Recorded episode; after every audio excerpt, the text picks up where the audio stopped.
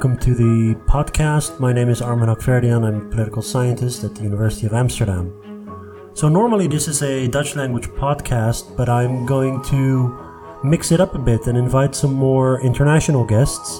Uh, I did this in the past with Rob Ford. He joined me on uh, several occasions to talk about Brexit, but I think I'm going to do that more frequently. It allows me to talk with uh, some interesting international colleagues, and uh, I hope you'll uh, you'll enjoy these conversations as well. Today I'm joined by Tarek Abou-Chadi. He's a uh, assistant professor in political science at the University of Zurich, and Tarek specializes in electoral behavior. Uh, he explores parties' and voters' reactions to all sorts of transformations of post-industrial societies. You know, the way that mainstream parties, for instance, try to maintain alliances between different groups, you know, that creates tensions. Um, you know, just look at the current predicament of social democratic parties. Tarek has written a terrific new paper with Markus Wagner on mainstream left parties, and we'll uh, dig into that research. You can follow him on Twitter at T Abou-Chadi. You can also uh, visit his website. I'll link to all these uh, resources uh, on the blog. So, just uh, a little disclaimer before we, uh, you know, go on to Tarek. The past few days in the Netherlands, the weather was quite nice, so I recorded this podcast on our balcony. If you hear the occasional train or motorcycle or birds, you know, just know it's because I was outside with my laptop and my microphone. I don't know whether it was a good idea or not, but um, you know, when the sun's out, you gotta make the most of it. Okay, that's that. Over to Tarek.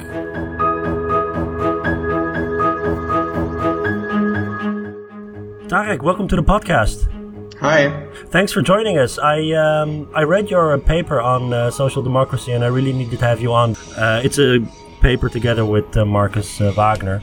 I think it's a great paper, but before we get into that, I wanted to hear your thoughts on last week's uh, European elections. Um, what are your main takeaways? So I think there are three main takeaways from the European Parliament election last week. Mm, the first, I think there was a main focus on how the populist radical right or the far right would perform in this election. And while they had good results, I would say they didn't perform as well as expected or feared um, in in the election. One important thing is that they already scored quite good results the last time, and so in 2014. Um, the UKIP, for example, the Front National already scored quite high results.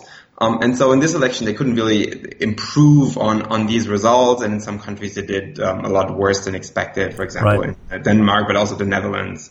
Um, so I think this is one, one important um, takeaway. The second is that it was a really great night for the Greens in basically all Western European countries. In Germany, particularly, where they came in second and really have established themselves more or less as the main force on the center left. But also in other countries, they did surprisingly well. Um, so it was a pretty good night for the Greens overall. And then for social democratic parties, it was quite mixed. Same as for the mainstream right, they also scored quite um, uh, quite mixed results and pretty bad results in, in, in many countries actually. So this decline of this of the big mainstream parties is certainly something that's continuing. But with the mainstream left, we've seen a bit of a a bit of a split. So of course, in in, in Spain, um, they did very well, um, a surprisingly good result in the Netherlands too. But then, for example, in Germany, um, they had a really really bad night. Right. I'm looking at some uh, data from uh, Matthijs Rooduijn's Guardian uh, populist uh, project. Mm-hmm. Uh, and if you look at the precisely what you were saying, if you look at the vote share for the uh, populist for populist parties across Europe, and this, so this is for right wing, left wing, and also all sorts of other, uh, you know, types of populist parties. Their vote share is 29% now. It was 24% uh, five years ago, 14% the election before. So that was the big jump. Yeah. The, yeah. Uh, um, and then they, I mean, they make a distinction between radical right and then others and far left. So far right, others, far left. Uh, and uh, the far right has something like uh, what is it, sixteen percent or so, sixteen percent or so of far right populist parties. Mm-hmm. Um, yeah, so that sort of goes nicely with what you're saying about that big jump being, uh, you know, having occurred uh, a, a, while back, but uh, it's still a sizable share of the population, especially given the fragmentation in in Europe. That the populist party family has something like you know almost thirty percent is quite quite a yeah. lot. No, I think it's important not to get the impression that, okay, populism has been, I don't know, beaten by the mainstream parties and this, it's over, right? This is, the populist surge is as, um, as extreme an idea or as an unfounded idea as saying this is all over now and we're done and we can move on to the, to the next topic. I think neither of the two really, um, help us or really, um, are, are are grounded in, in, in, empirical realities so much. Uh, but I think seeing it as a more long-term de- development is important, especially also for the radical right. I think one thing I always try to emphasize is that it shows that the idea that the, the so-called refugee crisis was so essential for um, the radical right. This is certainly an image in Germany, I think in other countries too. Um, these results really show that this might not be the case, but that there was a st- steady development that started uh, yeah. uh, much before that uh, that so-called refugee crisis. You you, you were talking about Germany uh, briefly. Um, so the German results they seem to show that there's a realignment on the left. Uh, mm-hmm. Is this? Do you think this is a uh, one-off result that the Greens have overtaken the Social Democrats in Germany, or or is this part of a bigger uh, development in, in German politics? I think it really looks like the Greens um, may establish themselves really as the main force on the center left in Germany, and especially if you look at a little bit at the results in detail and at certain socioeconomic groups, you can really see how they've overtaken um, the Social Democrats in many, many regards. The probably most striking result is that the Greens, um, among under 33 year olds, scored, scored 33% of the vote and were by far the strongest party overall in this group. But then even in the, in every, like with the whole population under 60, they actually came out the strongest party. Um, so there you can really see that, uh, that they have started um, gaining an enormous amount of, of support. Um, and also what you can see is that they're now um, the strongest group among some party, uh, some groups of the electorate that are essential for um, center-left parties in post-industrial societies. So this is especially educated voters. So people who have a, uh, an Abitur in Germany, which is the, the university entry exam, or who have a university degree. Among these two groups, um, the Greens are also the strongest party now. Um, so they really have uh, established themselves in Germany um, and it doesn't seem like this is a is a, is a short term term short um, one shot result. They've been in, ahead of the the Social Democrats in the polls for nearly a year now, I think, and also in some Länder election elections they were a lot stronger than the Social Democrats. And what about their? If you look at the um, the geographical um, let's say, strongholds or dispersion of the vote? Do you see uh, that they've overtaken some previously strong SPD um, cities or towns, or? This is certainly the case. So in, there are some places where you would expect the Greens to do well, right? In Hamburg, Berlin, Cologne, so urban cosmopolitan cities. Um, they were by far the strongest party. So quite impressively, they really, they, they're gained more than they, especially compared to the other parties, they, they really brought themselves into a strong position. But then they also, um, were the strongest party in cities like Bochum, uh, Wuppertal, um, which are not uh, in Dortmund, which are really used to be SPD strongholds. These are um, cities in the in the Ruhrgebiet, former um, German mining and steel industry cities, um, and there you you couldn't claim that these are those environmental cosmopolitan hubs where you would expect the Greens to do well in this like cliche perception of the Greens. Um, but they're very different, and even there they came out the the strongest party. There, of course, is still a difference between um, the former West and East. There, the, the, the, Greens are much stronger in the in, in, the former West than in the East. But even there, um, they've they've gained quite considerably in the election on Sunday.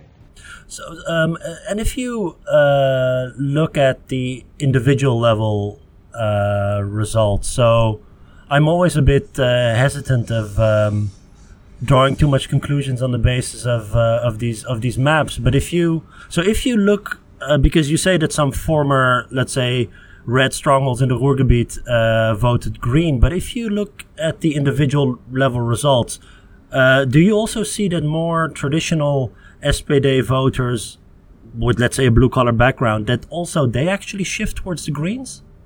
Or is it the uh, higher educated, uh, you know, college educated younger people within these Ruhrgebiet uh, areas that are voting green? Um, for, to, to, to answer this exactly, I think we would need more precise data. So it's saying regional plus that socio-demographic composition is something I, I can't answer really right now. Um, but what you can see is that for the, for the socio-demographic groups, um, it's it is it, it is the the educated um, and and professionals, but it's for for example also public employees, which were another traditional social democratic group that they've uh, that they seem to have lost to the Greens. Right. Um, also, at the what you could also look at is the um, the voter transitions compared to the last federal election that was in 2017. Yeah. And there, um, the Greens gained. So what's important to see is that the Greens at that election scored about eight and a half percent of the vote, and now at the at the European Parliament election over twenty percent. And so the gains that they that they received though came from the Social Democrats and the Christian Democrats about the same amount. So they, they, they, received, compared to the last federal election, about 1 million votes as, estimated from the Social Democrats and 1 million from, um, from the Christian Democrats. So it's not just an intra, intra camp, intra-left change that we're seeing, but they really um, establishing themselves as a um, as a viable contender in on the center left. Yeah, it's really interesting. It's it's. Uh, I, would be I'd be interested to hear your thoughts on what that uh, alliance uh, or because we'll talk about the traditional social democratic alliances in a in a moment. But if you gain if you gain about as much votes from your left wing uh, immediate left wing rival as from let's say the Christian Democrats as a Green Party, you're you're it seems like you're forging new alliances in the electorate. Um, yeah, I think that might be the case. Um, I'm, I'm, looking forward to having more data on the, the, that development in the last, let's say, year and a half in, in, into the next year when, when we get it and can really look at the micro level data on this. And one important issue is, of course, climate change. So there you really have a, you have a valence issue. Um, if, if there are valence issues, then climate change, I would say, is a valence issue. No one says, okay, let's screw up the climate deliberately. So people agree, most people agree that, or very, very many by now, uh, agree that it's a problem. And the question is, who's competent to deal with it and who's associated with this topic really. And I think that's, uh, there the Green parties have always scored well and this has really been on the agenda. And if you looked at the debate um, among the Spitzenkandidaten, then there too, really climate change was an, an important issue, and also for the voters um, when they were asked what the important issues were, climate change ranked really high. And so uh, this can draw then people from different um, from different backgrounds who may not even fall into a um, necessarily typical green uh, clientele. Yeah.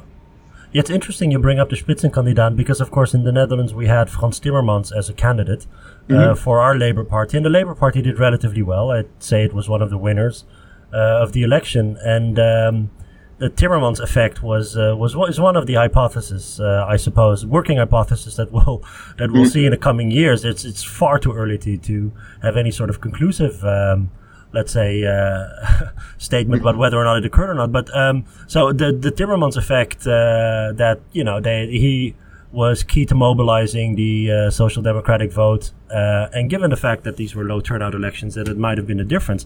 There's another there's another alternative hypothesis that came across my path on Twitter, uh, which was. Uh, posted by Maarten Wiedemeyer, who's a Dutch PVDA local councillor, and it has to do with what you were talking about with young people. Um, the German, uh, sorry, the Dutch Social Democrats mm. uh, voters are among the oldest in the electorate, on average. Yeah. So, uh, what, one thing that you can see, the implosion of the PVDA, part of it has to do with young people not voting Social Democrat anymore. Mm. and um, so, Martin's alternative hypothesis was, well, maybe, given the fact that old people are, you know, more likely to turn out, and the European uh, elections are you know, third order elections, maybe with even uh, lower turnout than in local elections. You know, you see that when your electorate is really old, they'll likely turn up, and relatively speaking, you'll do well. Um, if it was a national election, if you had something like 80% turnout, maybe you wouldn't have seen the results that we saw yesterday. I think there was a, there was an interesting hypothesis too that you know the social democratic vote share is just based on elderly people are more likely to turn out. Yeah, I think it, it, it does make a lot, a lot of sense. Um, Which isn't necessarily a positive thing for social democracy, by no, the way. absolutely not. It's the, the, the pattern, at least the, the, the age pattern is at least uh, very similar in Germany. So um, voters of the Social Democrats are really, really old. Their strongest group is the over 70 year olds. Um, and this has not only been the case in this European Parliament election, but it was the same in, in, in Hessen and Bavaria, where there were, were state elections in the last year. Um, and so it, this is really a problem of Social Democratic Party, and this is even more a problem for them than for the mainstream right, where this is also a pattern. But if as if as a progressive party or nominally progressive party and a party of the left, you cannot attract young voters anymore, then I think you really have a big problem. Um, what speaks a bit against the thesis is that in Germany the turnout was turnout was also up, but um, there the, the Social Democrats lost a lot. And Germany, speaks for this other Timmermans effect a little bit in, in, in the sense that um, when Martin Schulz was the national Spitzenkandidat um, in 2014, the SPD also did a little better than expected. Right. So there might be something to this type of I don't know World Cup uh, Eurovision Song Contest type of we're supporting our, our national candidate just kind of by, by affection or association. Yeah. Uh, let, let's let's transition to social democracy in general. Um, before we go into your paper with uh, with Markus, um, what what do you think is in terms of the social democratic ideals? What ought a social democ- uh, democratic party be like in terms of its policy program? So so so just the social democratic, let's say, uh, core ideas. What what should they be? Mm-hmm. Um, so I think social democratic core ideas are always a response to the socioeconomic uh, conditions of a time, right? So the concrete policies, of course, need to transform themselves. I think the idea of social democracy is based on some utopian idea of a um, democratic socialism. So there's a there's an inherently uh, an inherent element of economic equality on the one hand, but also of um, of, of liberal democratic uh, progressiveness. So a hundred years ago, um, this was, for example, or even more than hundred years ago, this was, for example, the, the introduction of female suffrage as much as it was the uh, the creation of the welfare state. Um, so one inherently social democratic idea, of course, um, that, that has been established is the idea um, of a welfare state, or the, the political science term that we like to use is the one of decommodification. Mm. So what that means is that people can live a um, ha- happy, more or less happy life, um, independent of their position in the market. So your market worth should not determine you um, getting proper health care, for example, right. or um, you should be able to uh, grow old without fearing that once you uh, cannot actively work anymore, um, that then you will lose um, all um, all means to to live a good life. What makes this, uh, I think, in in the current uh, zeitgeist uh, interesting, this idea is, of course, that there is also non-material uh, forms of marginalization. Uh, it doesn't have to do with something like social provisions, but the fact that social democracy for a lot of people uh, and a lot of critics of social democracy seem, seems to be about the material interests of the working class. It sort mm-hmm. of for, forgoes the broader idea that social democracy was supposed to speak up for all marginalized groups. So that also means, you know, in favor of gender equality, in favor of LGBT rights, uh, and so on yeah. and so forth. It's not just a material ideology, I would say. Yeah, I think this is fundamentally important if we want to if we want to normatively evaluate social democratic politics at the moment, um, because you're absolutely right. This idea that um, playing out, let's say, working class economic policies on the one hand against um, policies that uh, in favor of gender equality, LGBT rights, also environmentalism, um, that that's just that's not right. That's normatively wrong, um, and, and, and I'm also very much against this type of argument that many people make that basically say, "Oh, social democracy now is only concerned with those urban cosmopolitan elite type of policies um, that only, and only focus on gender equality and gay rights and these things, and because of this have abandoned the working class. This, of course makes the fundamentally wrong and, and frankly sometimes racist assumption that the working class is just white and that the working class is somehow male and straight and that working class people don't care about these other things. Um, I think this is fundamentally wrong. Um, unfortunately, this is something that's quite present in uh, the current debate, but it's also quite present in the debate within social democratic parties themselves. And I think Sigmar Gabriel, for example, um, as the, the, former head of the German Social Democratic Party, has made a lot of comments um, in this direction. Um, so I don't know, for example, he wrote something like um, social democratic or parties of the of the left who just focus on winning the the hipsters in California but lose the the workers of the Midwest will not do well at the end, something like that. Um, and this is this this is um, it, it, this is one of the big problems of um, of social democracy at the moment that they're actually following this strategy and that, that they somehow got it into their heads that this is why they're doing uh, not so well electorally. Okay, so let's transition into what actually works and doesn't work for social democratic parties because you did the, the paper you, you wrote with Markus is empirical in the sense that it looks at the vote share for the social democrats and it looks at why people vote for the social democrats and then it ties that to all sorts of uh, party strategies and uh, and and and voter background. So so the things that we're going to be talking about in the next uh, I don't know how long, uh, it's all based on empirical research and and and hard data. But before we get into that, why did you uh, feel that it was necessary to write this paper? Mm-hmm. So when we when we started this research, what we realized was that there was a discrepancy we felt between what we saw as much of the public discourse, and very much this is something that I that I described to you uh, just a minute ago. So this idea that um, social democratic parties are in a crisis because they have lost their working class vote. And not only because they've lost their working class vote, but this narrative continues that a big share of that working class vote went to um, radical right parties. And then also what this narrative does, it basically says that the, the reason for the shift is twofold. On the one hand, it's linked to um, the economic policies of new labor, so arguing that basically what social democratic parties have done in the last 20 years are just neoliberal policies. Um, because of this, the working classes felt alienated. And secondly, um, a similar image on so, so-called cultural, on the so-called cultural dimension. So the idea that because social democratic parties have emphasized progressive topics such as gender equality um, too much, the working class again has abandoned them for um, the radical right. So this we saw as a as a very uh, present um, and common public discourse. I think everyone has read or heard something like this. I think the the, the elections in the Netherlands were actually particularly interesting. Really, um, the the last uh, parliamentary election, when before the election, really every international newspaper um, sent a reporter to some small town somewhere um, in the rural Netherlands, supposedly a former uh, social democratic stronghold, and then they found someone who said, "Oh, they they're voting for Wilders PVV now," yeah. and so this is really the, that narrative. Yeah. And we thought that this narrative actually is very much at odds with the political science research on these questions.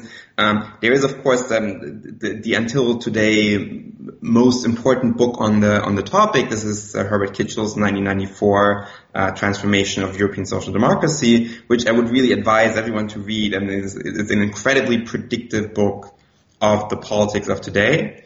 And there he already describes a a dilemma for social democratic parties. And I think this dilemma is where we start out. Um, and I'll, i can talk about this this more later. But we saw this narrative, this public narrative, at odds with the research that actually says that um, professionals, educated voters have become an increasingly important group for social democratic parties. A, the, the, the working class vote, uh, or the social democratic success was never only based on the working class vote. They always had to form coalitions.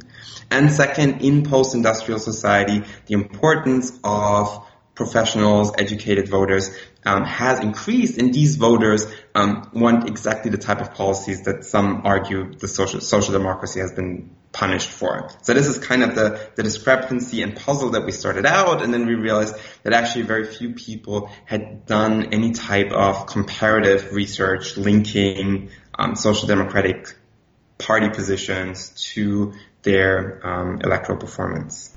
Yeah, I think that point is really uh, important in the sense that people uh, seem to think that we're still living somewhere in the second half of the 19th century where social democratic parties are solely working class parties. But uh, uh, the la- the past 70 years, these the, the, the post war alliance of social democratic support was always a mix of working class and, and professionals and in some way coming together. And of course, it's really difficult to keep alliances together. It doesn't only hold for the social, uh, for the social democrats. It holds for any, uh, let's say mainstream party or, or party that seeks to, um, become maybe bigger, uh, than its, its rivals. You, you have to forge alliances and sometimes that creates tensions, but the, f- it's, it's, I think a fundamental misleading, um, misreading of social democratic support to think that they were only working class. That's just not, even before this demise of social democracy, a large part of their vote share was because urban professionals supported them. Yes. So this is, this is absolutely true. And, um, this is, this is documented. You can go back to, uh, work on social democracy that's 100 years old and it will always, already contain this. Um, also very interesting. Um, Lipset's book Political Man, which is really a, a, a, classic of political sociology of the 1950s, is very, very much based on the question, why is politics not only based on what he calls the democratic class struggle? So why does the working class also vote for other parties but social democracy? And right. religiousness, for example, is an important uh, an, an, important variable in countries where you had strong Christian democratic parties. Um, the, the, a big share of the working class also did not vote for social democratic parties even back in the 1950s. Yeah, they were always cross pressured in a sense. Yeah. Uh, uh, speaking of Lipset, I uh, I find myself reading his 1959 uh, essay called Working Class Authoritarianism. I, mm-hmm. I have been reading that the past years more than I think I should, but um, the opening sentence of that paper. He wrote it in 1959 in the American Sociological Review. The opening sentence is absolutely amazing. Um, it's gradual realization that authoritarian predispositions and ethnic prejudice flow more naturally from the situation of the lower classes than from that of the middle and upper classes in modern industrial society has posed a tragic dilemma for those intellectuals of the democratic left who once believed the proletariat necessarily to be a force for liberty, racial equality, and social progress. You don't find you don't yeah. find opening sentences like that anymore. But there it is. There is the dilemma that we're talking about. It's right there in 1959.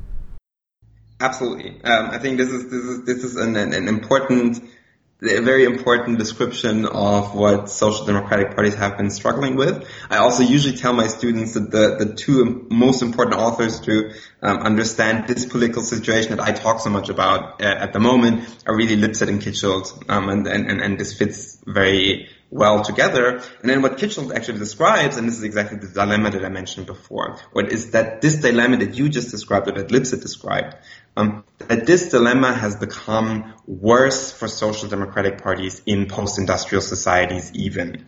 Um, and for, there are two reasons um, for this. One is just uh, economic changes. So in post-industrial societies, we just see a, a decrease of what was this core working class group and just their, their numerical size is de- decreasing. Then labor market transform. We have types of uh, economic challenges that just change the workforce and because of this change preferences. So people very often emphasize globalization, but it was probably the, the even bigger force behind these types of changes is just um, automation and now digitalization. So right. labor markets are changing. Um, we're entering what's called the, or we have been in what's called the, the, the knowledge economy. Um, so we, we have these economic uh, challenges that change uh, preferences of um, of people who are um, the work workers and employees, so white and blue collar workers. Um, and then the second thing is that we have the, the politicization of uh, what's been called the, the second dimension or the cultural dimension. So this is starting with the um, with the 68 movement and what, uh, what Inglehart has called the silent revolution. So a shift away from um, economic issues as the main determinant of political preferences and um, a politicization of questions that concern the organization of um, societies. So this is this is the one one question is really the organization of democracy, for example, if you think of D66 in the Netherlands, um, but then also questions of, and I mentioned it before, gender equality, LGBT rights, environmentalism, um, and these questions, the politicization of this um, goes right through the core electorate of social democratic parties, exactly because of the the dilemma that you just described. Um, working class voters generally tend to have um, more authoritarian values on these questions uh, than educated middle class voters. Yeah, it's it's really interesting to read that Lipset piece uh, with today's knowledge of uh, well how history unfolded basically. But but but his piece, of course, is about communist parties because back then there were no uh, populist radical right parties in Europe. But but he uh, and and then he also describes critics of his argument who basically say, well, no, the, the, the, vote for the Communist Party is just a more radicalized economic vote than a vote for the Socialist Party. Mm-hmm. Um, and he says, no, that's actually not the case. If you look at the more, well, values based um, components of communist ideology, it has more to do with order and with um, yeah, authoritarianism, maybe even. And that that's mm-hmm. not uh, actually deterring working class voters back then, but it's actually a reason, an extra reason next to maybe uh, you know economic motives to vote for these parties. So it's really interesting to see how he. Uh, we have pretty much the same argument now, but mm-hmm. rather than uh, talking about the Communist Party, it's uh, it, it's other parties. Not that I wanna I wanna equate the two, um, but um, there's some parallels there in in this literature from 1959. Mm. I think the criticism also mirrors still much of the American debate today. If you think of, for example, the um, "What's the Matter with Kansas" book, which is written by an American journalist in 2004, and he asks the question basically why in Kansas so many poor voters vote what he says against their interests and vote Republican. And he basically, his argument is then that the, the, their, their true preferences are obfuscated or, or that the Republican Party by obfuscating economic issues through religion um, and cultural issues basically makes them vote against their true preferences. And this is of course if you if you have a if if you have this basic idea of a two-dimensional political space of political preferences, um, then you don't. It, it is not about voting against their true preferences. They just have preferences on things that are non-economic, and these things can matter a lot of people, a lot to people. So let's talk about that political competition because if we want to understand party shifts, because this is all about party strategy. So what, what, you know, what, what should their platform be? Which policies should they endorse? Mm-hmm. And which ones should they endorse? And traditionally speaking, uh, political competition was sort of always described in terms of left and right. So shifting towards the left, shifting towards the center or the right or whatever it may be. Um, mm-hmm. You and Markus in your paper write that that notion is a bit old fashioned. That rather than that, you don't focus on left versus right, but on investment versus consumption. Can you explain that dimension?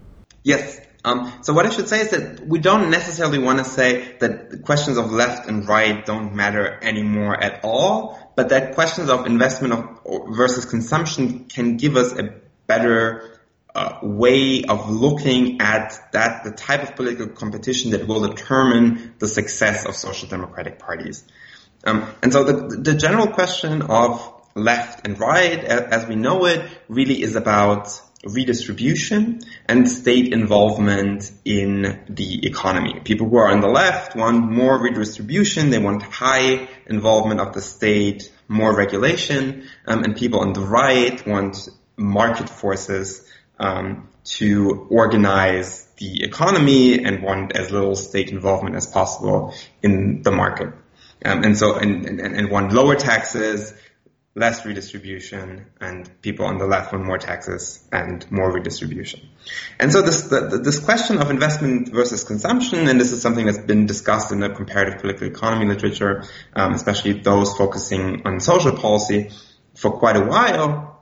And the idea with investment versus consumption is that there is a another conflict line, and some one one could argue is becoming more important actually than than the just redistribution question, and that that is more about how to how to spend it. So it's it's, less about how much money the, the, the, state can take from the citizens and, and, and redistribute, but it's how um, the how systems of um, social security, but also other types of public goods provisions are organized.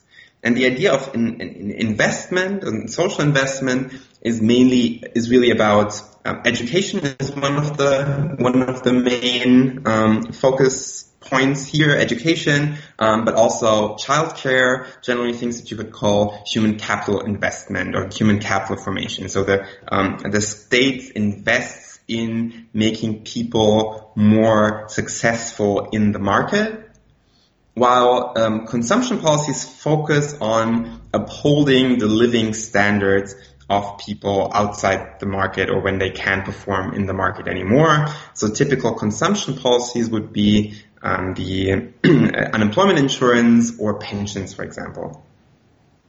And this is different from uh, economic left versus right because it's about spending priorities that's not about spending per se. Um, exactly. So it's, it, this is less about um, how much to spend and really how to spend it. Um, so it's right. It's, it, you you could see it as something that is completely independent of the size of the state or state spending. Um, in general, it, it's in reality, of course, there there is a bit of a there are different types and it's never completely independent. Also, conflicts about how much to spend have not ended. Um, but if if you in, in a time where um, a lot of people argue that we have left the golden age of welfare state expansion and it's a time of um, severe or at least present austerity and, um, and countries want to balance their budgets, uh, then you can see a conflict line that, uh, that uh, strongly evolves around um, how to spend it within um, more or less fixed amounts of, um, of state income. Right. And so if we then focus on which socioeconomic groups have certain preferences for either consumption and investment. Um, would it be safe to say that the um, let's say the more urban professionals favor uh, investment and the traditional blue collar working class favor consumption, or is that too too crude? Um, it's it, it, it's correct like this. So generally, we, we, we can say this. There's of course a, a lot of variation, and there's also other determinants. Um, so for example, older people, or people who benefit from uh, pensions fa- fa- uh, favor pensions more, right? So the uh, welfare state preferences are not only determined by these types of, of class positions, um, but generally we can say that um, consumption policies also favor um, the, especially in the in, in the continental European welfare state, favor um, the uh, so-called traditional male breadwinner model. You have one person, who, the man, the, the, the husband, right, who works um, their whole life in um, in in one company and then gets a gets a specific pension based on this type of, of work profile. Um, and doesn't these, these schemes then do not include so-called new social risks, for example. So the, the, the problem that we, we see, for example, that one strong predictor of um, of poverty is being a single mother, uh, and questions of how we can protect, for example, these um, uh, these women from poverty, and this wouldn't be covered so well by the classic uh, types of consumption policies that we have because they are related very often or generally to previous earnings, for example. Um, and so the, these these these groups then fe- educated female at, at these with these other types of labor market risks um, can be shown to uh, favor investment policies. Right. Again, so I think I think childcare, for example, is another good example where, we really see uh, these types of preferences. And then, so that's basically the economic uh, fault line is consumption uh, investment. The, the vertical one is more more more conventional in the sense that that, that encompasses um, uh, cultural matters on immigration and on on um, uh, on on basically social ver- social progressive versus conservative um, positions, right?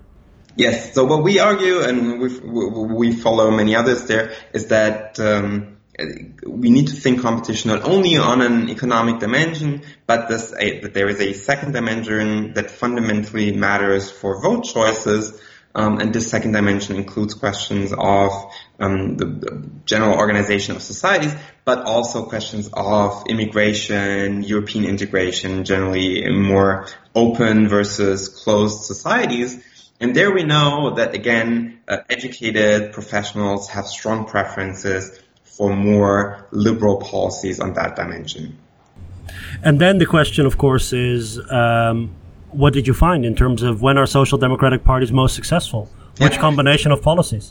Yeah, one, one thing I always say before basically talking about the, the results is that I think it's important, especially when you talk also with a broader audience, um, that we're not campaign advisors, right? I'm not going to say if social democratic parties do this, um, then they will be successful in the next election. I think it's important to see that we make a really a broad structural argument um, on how, when social democratic parties uh, position themselves, this plays out electorally.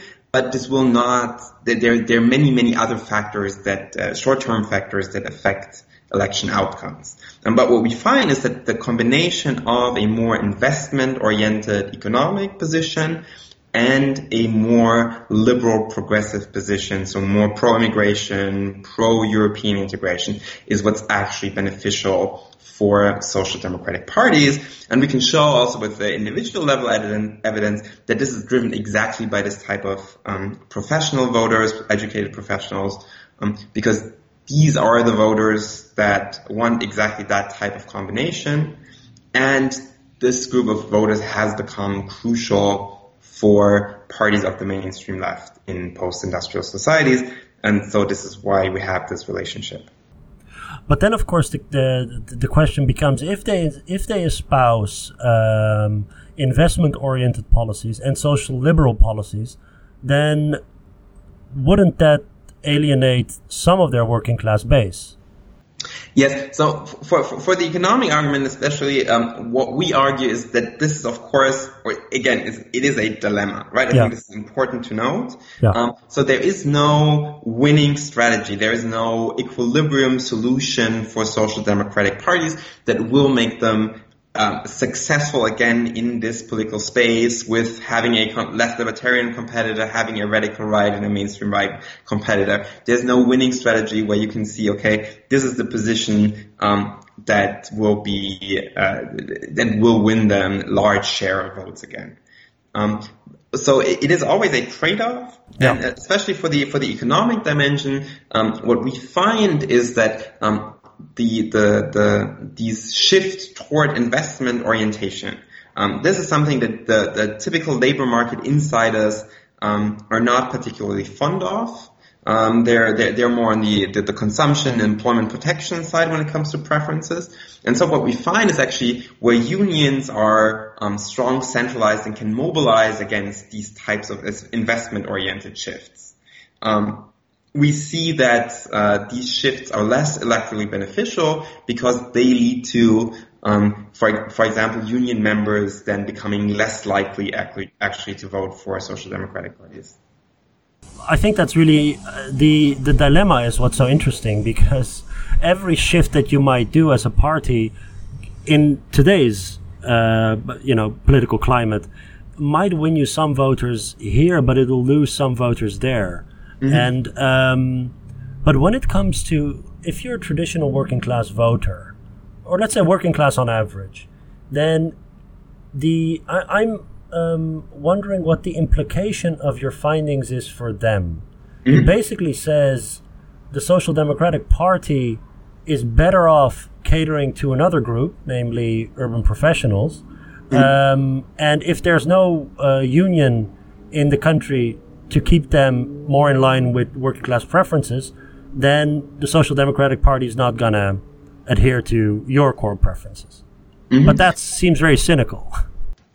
yeah, so it's uh, right, right, I think there are two important things. The first one is I think the argument that you just made is only true for this idea of a white working class industrial worker Right. who's male, straight, and I don't know what, right? And that's of course not true. Um, especially, right, many, many people in the working class, of course, have mig- migration background. Um, so A, they, they benefit from more progressive policies on this dimension too. And also, it's not the idea that, that investment policies generally hurt, um, hurt the working class. Uh, it's it- right. It's if you, I mean, people who really make strong cases for um, this type of social investments, they say that have really promoted this as the as the main way for a welfare state to address the challenge, the, the economic challenges of our time. Um, so it's not it- right. It's not that, that that because you focus on investment, um, you you suddenly abandon the working class um, it's it, I, th- I think they have different priorities, but it still might not. It's still the outcome might not be something that is that, that is then um, worse for them.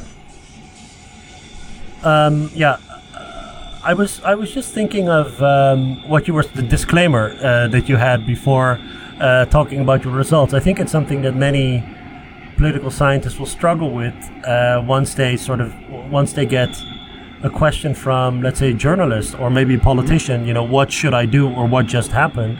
That Yeah. many of the our type of knowledge and results are more long term and macro. Uh, so I'm with that disclaimer in mind. Um, what do you make of the Danish social democrats vis-a-vis what you were just arguing? Yeah, so I think the the the, the, I'm a I really am not an expert for for Danish politics, so I'll be very very careful with what I say. But I think that the, the Danish um, Social Democrats are currently presented as a case where you can see a more um, a shift toward strongly more restrictive positions on immigration and this more type of um, uh, left wing uh, traditional left-wing uh, economic policies, and they, they seem to be doing well at the moment in the polls. We'll see how the election then goes. That soon. Um, they, they, we see a strong decline in the vote for the populist right in this country. So there, this this this fits a narrative um, of that goes against the story that we're telling. Again, right? So one thing that I would always say is we cannot explain every case, and there are uh, many, many factors mm, that play into the success of social democratic parties that have nothing to do with these socio-structural things that I talked about. Important thing is just uh, there's alternation between government and opposition, and if parties are in government for a while, they seem to they they do worse, and then. Right. Uh, people support the opposition party. Um, it seems that social democratic parties are really not doing well as the smaller coalition party. Um, uh, there, there is research now by Heike Klüver and Jae-Jae Spoon that actually generally shows this pattern that smaller coalition partners uh, get punished at the polls more than, than other parties. Um, th- there are many factors. Um, Yeah. That come together um, that are not only uh, emphasizing or that are not only about these factors, these social structural factors that we emphasize. Again, what I want to emphasize though is that what we find in this comparative analysis, again, I would not say, oh, you have to do it like that, but I think they strongly speak against um, the advice that many, many people give at the moment. Um, and th- these people, like all sorts of pundits, people involved in social democratic parties, um, and other types of political scientists who are not necessarily doing any empirical work on this themselves, and they are all saying, okay, you need to win back the working class. This has been the mantra for the last 15, 10, 15 years. Um, your voters have abandoned you for the radical right. Um, and if you uh, get tougher on immigration and if you stop talking about gays and women, um, then you will be electorally stronger again. And there really, we have an abundance of evidence that speaks against this idea. Again, it's really important to see that a, a, in the last years when we've seen really these big declines in social democratic vote shares in the national elections for the PVDA, the Parti Socialiste in France, and also in the in, in Germany, their voters have abandoned them for progressive parties of the center Yeah. or the left. Yeah, right? or if uh, the party system allows it, some radical left alternative. Yes. Right, so in, in, in, the Netherlands, I think right there's a study by uh, Sarah de Lange, Matthijs Rooduijn, and Eelco Harteveld, and they show that the biggest share of the PvdA vote went to uh, GroenLinks and to D66 and to the SP, um, but barely anyone in that election left for the PVV or the VVD or so. Yeah. If we, if we zoom out a bit to the entire left uh, as a whole, mm-hmm. Is it possible for both the Greens and the Social Democrats to be big and strong at the same time? It seems like it seems like the the vote for one is always going to be partly based on the appeals that the other is making. So, for instance, uh, mm-hmm. uh, yeah, the, the, Greens are are pretty much taking over the uh, the urban centers from the Social Democrats and especially the young vote. Mm-hmm. Um, is there enough there for both Social Democrats and Greens to be big? Um, that's a very good question. Right? It com- comes down to can these parties coordinate in a way um, to basically maximize uh, their vote share and to find this e- equilibrium that I already said doesn't really exist. Right. And it's interesting. I actually talked to, to Herbert Kitschelt about this, this this week, and he said, well, in a in a world where you could really coordinate these three types of parties, um, there would be, of course, a place for social democratic parties um, in this type of more centrist, really not left economics, and then maybe also um, not so progressive second dimension to basically take away voters from the um, uh, from the mainstream right. This would certainly mean that the social democratic parties are then not leading that coalition anymore. Right. So they would probably be the the, the Greens would probably lead that coalition. Um, and so I don't know how fond social democratic parties are of this idea themselves. And also this, right, this, I mean, this is a, again, this is a very um, simple spatial logic of, uh, of these questions. It's always a, one question is, can parties really credibly take these positions? Um, yeah. again, you see something like climate change, it just leads to the Greens receiving support from um, left and right at the same time so I, I, think it's something that, that I hear a lot when I talk about my research and, and people come back and say, oh, so you're just saying the social democrats should just be like the Greens. And I don't think they are. They, they rarely are and they will probably never be. I think being progressive on visibly and, and, and incredibly progressive on a couple dimensions is going to be a, a necessary condition for their success in, in, in the years to come. Um, that still then doesn't mean that they will be uh, really successful uh, at the end of the day. That is, yeah, that's that's really to be seen um, how much they can reestablish themselves as as a leading political party in some countries. Right.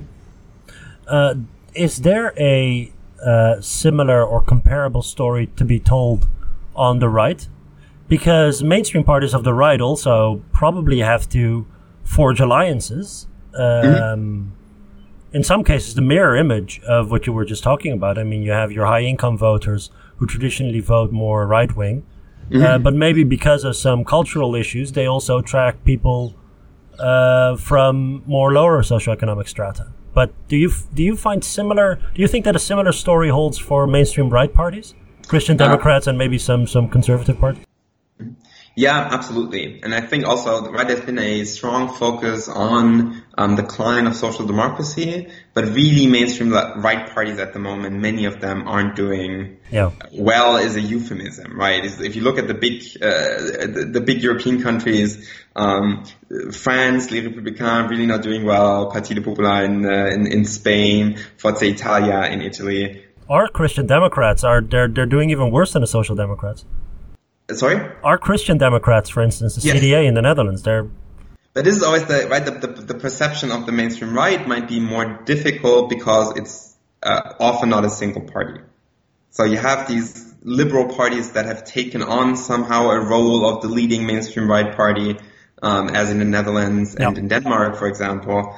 Um, and, and, and then this becomes a little more difficult to judge than with just this, like, you know, you have this one social democratic party in every country and then you just see how how they're doing. But yes, I think there is a there is a very similar dilemma for these parties, um, and you have their their former core clientele. Uh, these are really business, well-off uh, people, um, and, and and now what you have is that the, that the mainstream right gets challenged from the radical right, and so there are other um, there are other core clientele that uh, that Kitschelt and, and, basically on, based on Marx is called the, the, the petite bourgeoisie. Mm. So people who are not necessarily very educated, but who are still doing well. It's like a, a shop owner, craftsman, these people. Yep. Um, and many of them have shifted to to the radical right. And the response of many, basically all mainstream right parties was to adjust their position to the radical right. So especially to become tougher on immigration but also um, on c- certain issues becoming uh, more authoritarian again. You mean law um, and order, so, or yes, yeah, law and order certainly. Um, I think the one issue where we do not see that pattern is, uh, is LGBT rights. That we actually just see a um, quite general trend to more progressive positions also on the mainstream right. Um, but for many other, especially issues of immigration and multiculturalism, they've certainly become more restrictive. And now what you what you can see also very interesting questions then of international integration, trade, right? Trade, trade openness, yeah. typical, uh, a main topic of the mainstream right for a hundred years probably. And that yeah, you see that all, really well in the Republican Party, where you yeah. have your pro Paul Ryan libertarian, yeah. free trade, open borders against Trump's protectionism. It's the same party. Yeah, yeah, no, absolutely. Um, and I think where you see it best in Europe at the moment is, of course, the Conservative Party oh. in, in the UK. Uh, right? So where you have exactly that trade-off and where you will, the, the, the question now uh, was for a long time, when will uh, those, you know, business-minded London city types start abandoning the Tories? And I guess we've reached that point now. Um, so right, this is the this is the trade-off, and then this is of course the, the the awful position that then if you have this populist radical right challenger, then you're not you're right you're not the original there, and you've lost your your business clientele, and then the question really is who's left to to support you. So because you you also did some research on whether or not that um, let's say that that copycat strategy mm-hmm. uh, for the mainstream right works. So whether or not shifting towards the radical right's position on immigration or cultural issues in general, whether that actually costs them votes or wins them votes. Yes, so we've we've done a bit on, on, of research on this lately. Exactly the, the the mirror image story in question to the decline of the mainstream mainstream left and right is of course the the, the increasing success of the radical right and again, very much related to the, the, the, the argument and public narrative that I was talking about, is this idea, okay, people, many people don't like immigrants and the radical right is su- successful because they're the only party representing these preferences. Um, and in order to um, to contain the success of the radical right, mainstream parties should move toward a more anti-immigrant position, um, and, and, because of this, reduce the success of the uh, reduce the success of the radical right. Um, this is in, in, in, political science is very much associated with the work of Bonnie Meguid, and she coins that term of accommodative strategies. So if mainstream parties accommodate the radical right, um, especially on the issue of immigration, um, then this should weaken the radical right. And so we've done a, a, two sets of analysis really. We've looked at just at the party level um, and also at voter transitions at the individual level. Um, and what we find is that this general pattern does not hold. We do not find um, that accommodative strategies weaken the radical right at all. If anything, we find the opposite. Um, we generally find that when mainstream parties um, move toward a more anti-immigrant position, move toward the radical right, then this increases the, the, the exchange of voters with the radical right. So more voters come and go. But the radical right at the end of the day is the, the net winner of this exchange. So we find that more people go uh, to the radical right than come back. And this is really in, in line with what, what Jean-Marie Le Pen has already said in the, in the 1990s. Voters at the end of the day will vote for the original. Right. I'm wondering whether part of it is also s- such a large part of elections nowadays have to do with salience about which basically which issue is on the agenda. Yeah. And um, I think generally speaking, when whenever cultural issues are high on the agenda, that social uh, social democratic alliance we were talking about has a more difficult time maintaining than if it's about economic matters, maybe. But um, engaging with the radical right as a mainstream right party also completely legitimizes their platform, and it shifts the narrative of the election uh, to the issues and the frames of the radical right. Uh, you're basically giving them a home match. I think you, you mentioned the two most important mechanisms of why these accommodative strategies are potentially not successful. Um, so you, I, I, would say you cannot move toward the radical right in terms of positions without increasing salience of the issue. Right. But if mainstream parties start or have started taking a more anti-immigrant position, this of course made this a more salient topic. So in this regard, salience and, and, position aren't two independent factors of each other. Um, and the second then is, and I think there's new research coming out on this. It's something that's not very easy to to research and investigate empirically. Is really this this question of uh, legitimization. So if mainstream parties take these types of positions, um, then they legitimize the radical right position and their type of rhetoric and discourse. There's also a thing about when the way that the mainstream right talks about immigration, because it if you go back uh, decades in the Netherlands towards the first um, arrivals of um, migrant workers from uh, from Northern Africa and, and from Turkey, mm-hmm. uh, there there was not a cultural story to be told. The frame was not cultural; it was solely economic. Yeah. Uh, there was just a lack of uh, lack of labor, and mm-hmm. Uh, the parties of the right actually espoused this, and and business in the Netherlands clamored for this. Yeah. Uh, nowadays, it's all about identity matters. Even the mainstream rights rhetoric. So they've taken over the framing of, of, of immigration as well, not so much as a maybe an economic phenomenon, but but it's solely coded in the terms that the radical right uses to yeah. frame immigration, namely culture, clash, um, us versus them. Uh, you know, this this this idea that somehow a religion like Islam is uh, does is not congruent with democracy, all the, or Western values, all those sorts of frames have taken over. Christian democratic parties, by the way. No, I think this is this is this is true, and I um, in, in, in my seminars I like to uh, have half a session usually on on Pim Fortuyn because uh, my students, at least uh, outside the Netherlands, have usually never heard of him. So it's just uh, uh to, to begin with already an, an interesting character, but then I, I, think very very important to to study uh, the roots of, of, of, populist radical right success in a way. And if, I think it's striking if you look at his statements um, from the time, and you look at a general mainstream right party statement right now it's very, very difficult to see a difference. And I yeah. think this says something about how much this topic has sh- shifted and how strongly the ideas of the populist right really have entered, the radical right have entered uh, the, the mainstream. Tarik, thanks so much for your for your time and your insights. Yeah, thank you. It was, it was a great pleasure. Yeah, that was a lot of fun. Where can people find you on Twitter or on the internet in general? Yeah, I'm quite active. So my name or just my Twitter handle is at T Abou-Chadi. So just T and my last name. Yeah. And that's where you can find me. And I also have a website where there are all the, the papers and articles that we talked about today. Thanks so much. Uh, come back on uh, the podcast. We'll talk about some more. Thank you. Happy to.